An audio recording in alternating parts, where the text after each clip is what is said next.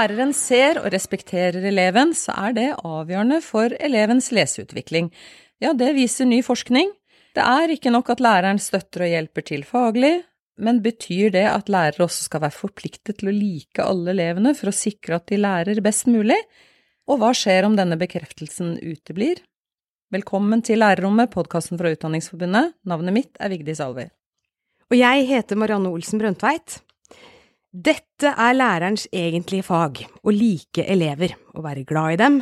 Han skal være glad i pene barn og stygge barn, i flinke barn og dumme barn, i dovne barn og flittige barn, i snille barn og i slemme barn.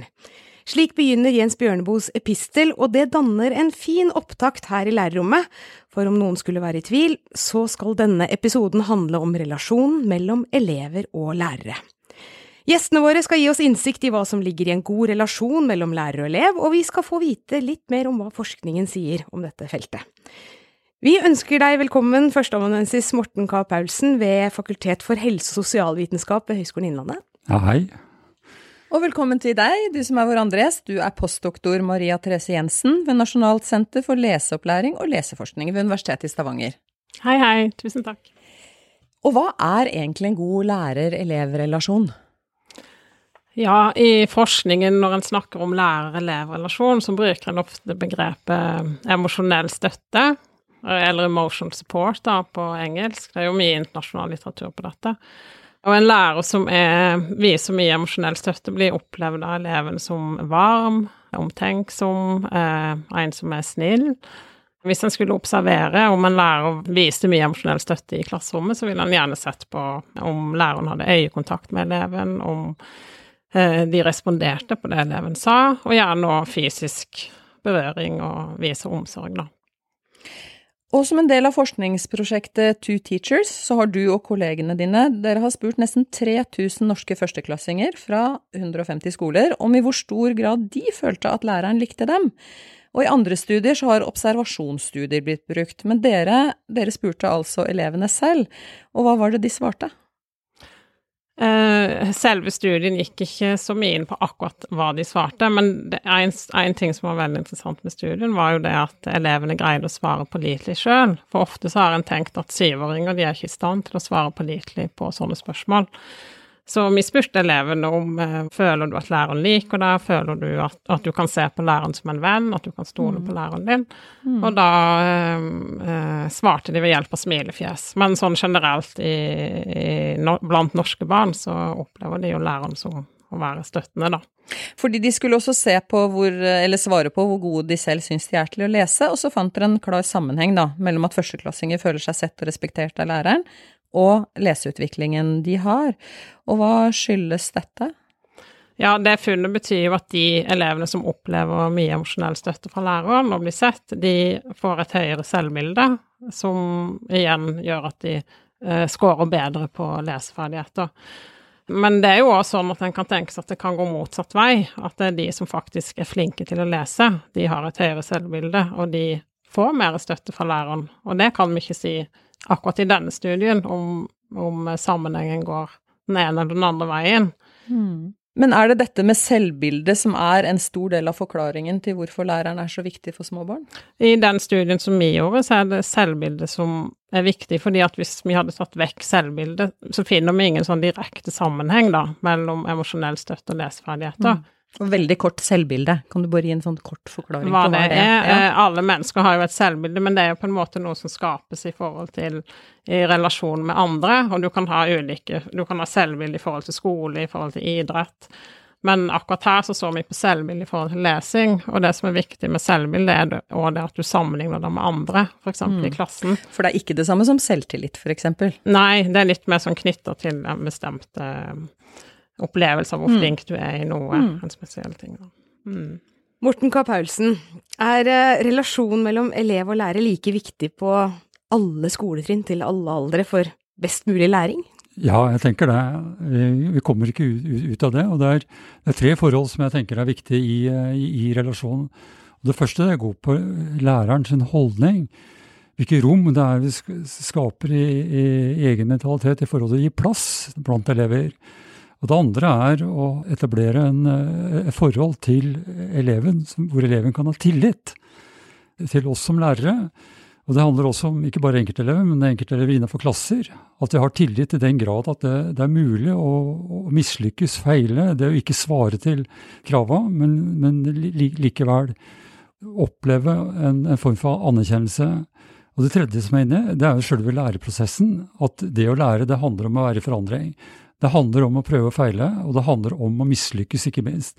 Det å ha en mestring av følelser på det mislykkes, og det å ha både et emosjonelt og, og, mentalt rom å kunne gjøre, gjøre et her i for eleven, det tenker jeg er viktig.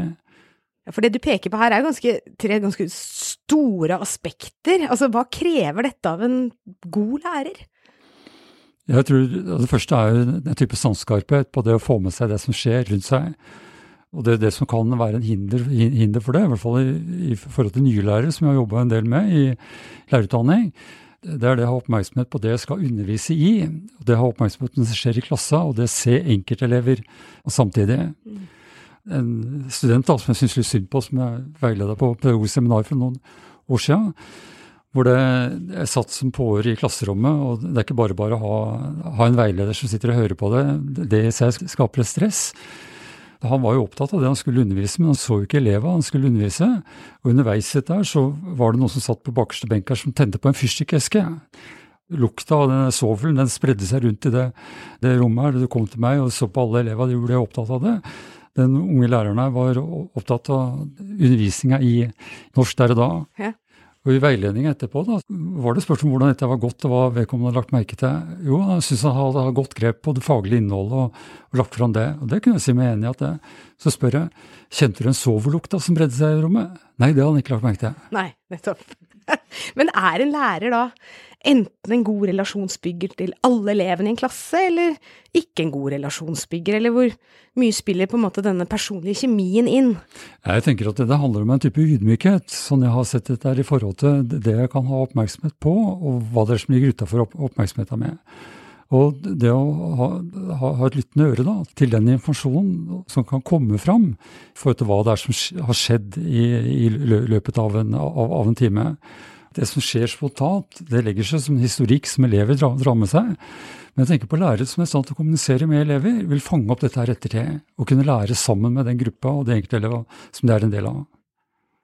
Ja, jeg syns det var et interessant spørsmål du hadde, fordi at uh, ofte så tenker en kanskje at det er en lærer i et klasserom, og i det klasserommet så, så har en en viss grad av emosjonell støtte fordi læreren viser mye emosjonell støtte, eller ikke det.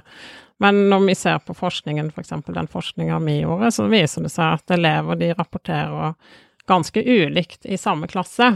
De rapporterer ikke sånn veldig, veldig likt, så det betyr jo at læreren gjerne viser ulik grad av emosjonell støtte til ulike elever i samme klasse, da. Er læreren klar over dette selv?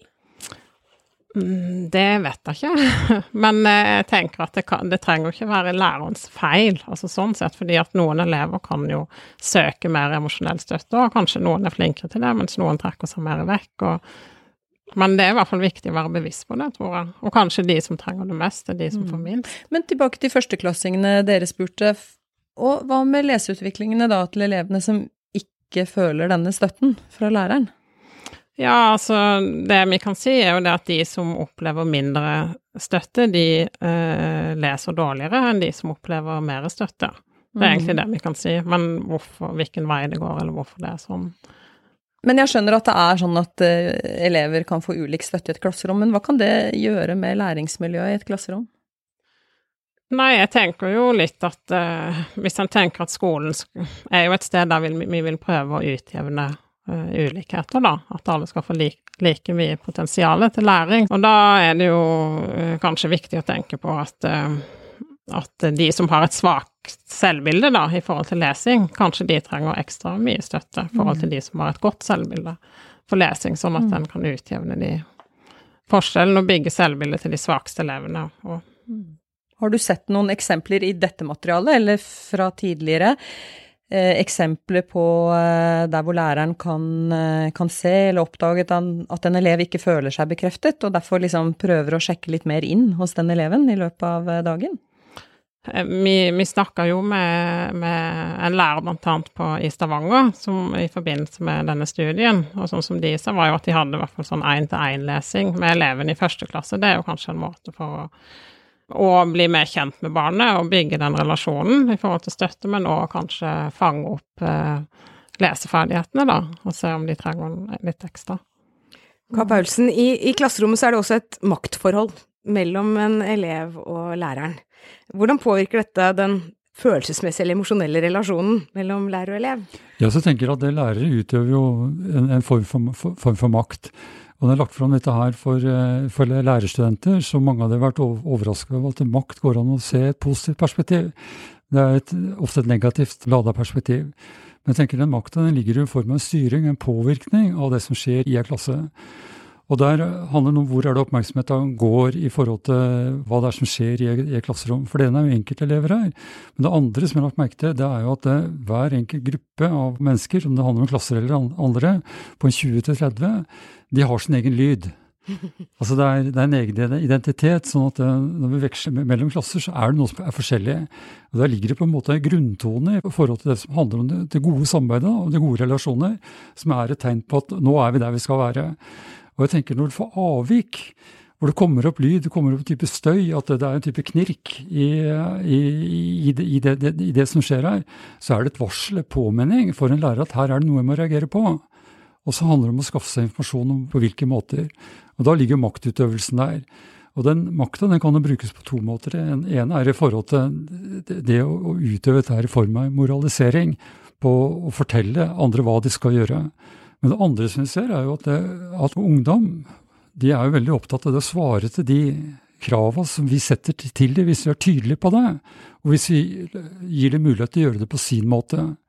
For det er også en, en sak i forhold til en gruppe på 20-30 igjen, at det, hver enkelt elev vil jo framstå med sin individualitet og skaffe seg sin plass i de revira som er i et slikt område. Da vil vi få et mangfold av sånne, sånne identiteter. Og da er det opp til, opp til lærerne å utøve en type styring og i en form for maktutøvelse som gir rom og plass for de måtene å være individuell på, og som samtidig samsvarer med et verdifellesskap da, som vi kunne se, se ligger som en bakgrunn. Så som Jensen nevnte tidligere her, altså én-til-én-lesing. Altså, det vil jo komme en slags vurdering også der. Ja. Og Hvis vi tar en del av dette med vurdering og vurderingspraksis, da. For å ta et eksempel fra boka Den relasjonen mellom lærer og elev, så står det om eleven Simen. Han hadde tre i engelsk, og så skjønte han at han skulle han komme seg inn på den linja han trengte, så eh, seinere studier så måtte han ha minst fire. Og han la seg i sela og jobba jevnt og trutt, men karakteren han endra seg ikke. Og så ga han opp. Karakteren endra seg ikke umiddelbart, men etter en tid så fikk han en kommentar fra læreren, og så hva er det som har skjedd med deg, Simen, du som var så flink i engelsk? Og Simen hadde ikke skjønt at læreren la seg på en nedre del av det mulige for å stimulere til innsats. Ja. Læreren hadde ikke skjønt at Simen ikke opplevde det å bli stående på samme karakter som stimulerende. Kan vurderingspraksisen være med å påvirke relasjonsbyggingen? Jeg tenker det, altså I det eksempelet der så er det noe med at læreren holder tilbake sine intensjoner. Jobber ut ifra hva han tror skulle være stimulerende for det den eleven er. Og sånne antakelser, det å være oppmerksom på som lærer, på, på hvilke antakelser er jeg holder, og det å oppdage det, og så dele det med elever, det tenker jeg er, er et viktig, viktig, ledd i forhold til det å, å, å hjelpe elever da, til, til framdrift. Hva med relasjon der hvor en faglig prestasjon ikke er god? Kan man ha et godt forhold til en elev som ikke presterer så godt faglig? Hvordan skal ja, man få til det? Og så tenker Utfordringen ligger, ligger, der i forhold til, forhold til, at elever blir jo satt inn i en konkurransesituasjon det, som er prestasjonsorientert, hvor det, det blir vurdert. Og Da ligger det en, paradoks i, i den, den, situasjonen, på det å ta vare på, vare på, eleven ved siden av det faglige. Men jeg tenker det ligger gode eksempler på det å, å hjelpe elever til å se flere sider av seg sjøl, sånn at ikke, ikke, det som handler om å prestere på ett område, blir det altoverskyggende i forhold til andre egenskaper og måter å være på som elever måtte ha.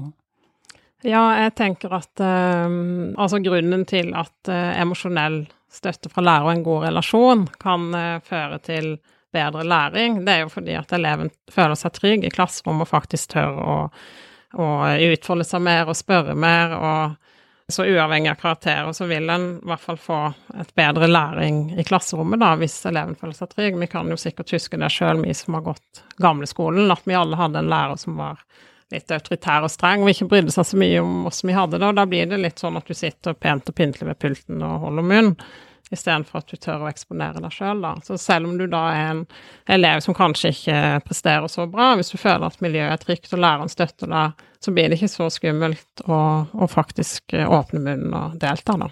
Ja, og så er det jo det her med, med utvikling av selvfølelse, og hvis det ikke fungerer med emosjonell støtte, så har jo det også konsekvenser ja, for resten av skoleåret, skolegangen, kanskje inn i framtiden òg. Har du noen kommentarer på det? Ja, altså det er jo noen studier, internasjonalt longitudinelle studier, som viser at faktisk eh, den relasjonen du har til læreren din i tidlige år, den forfølger da. Altså uavhengig av om du bytter lærer, men det setter seg da. Sånn at jeg tror det, det er viktig også å få en god relasjon mm. tidlig, sånn at man får et godt forhold til det å gå på skolen. Og så vet en jo fra eldre, altså ungdom, at uh, dette med engasjement, f.eks. Hvis du har dårlig relasjon til læreren, så går du ut med engasjement, som igjen kan føle til uh, drop-out fra skole og dårligere karakterer osv. Ja, det var en elev som hadde starta på ungdomsskolen, og etter, uh, etter, to måneder kom tilbake, og så fortalte mora si at 'mamma, jeg er en toer'. Mm. Og mora var fortvila over at, det, at gutten skulle identifisere seg med karakteren etter så kort tid. Og dette har endte opp da, med, et, eh, med, et, møte med skolen og med den lærergruppa som, eh, som, var her. Og det var en utfordring for mora og for familien å gripe tak i akkurat dette her. Og så ble det en innledning på det møtet her hvor det faren da spør er det sånn at uh, Petter er en svak elev, eller er det sånn at han ikke blir møtt på sine læringsforutsetninger?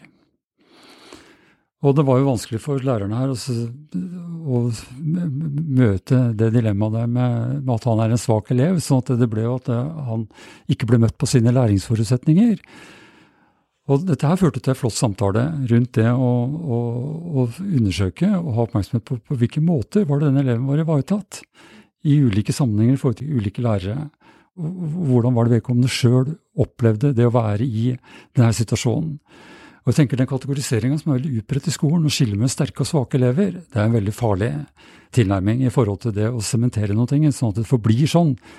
Og ikke se på utviklingspotensialet som enkelte elever har, med litt andre tilnærminger.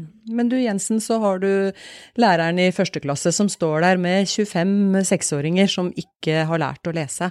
Er det god nok tid for denne læreren til å bygge disse relasjonene, til å ha den emosjonelle støtten, eller hva sier læreren du har snakka med? Jeg tror de fleste sier nei.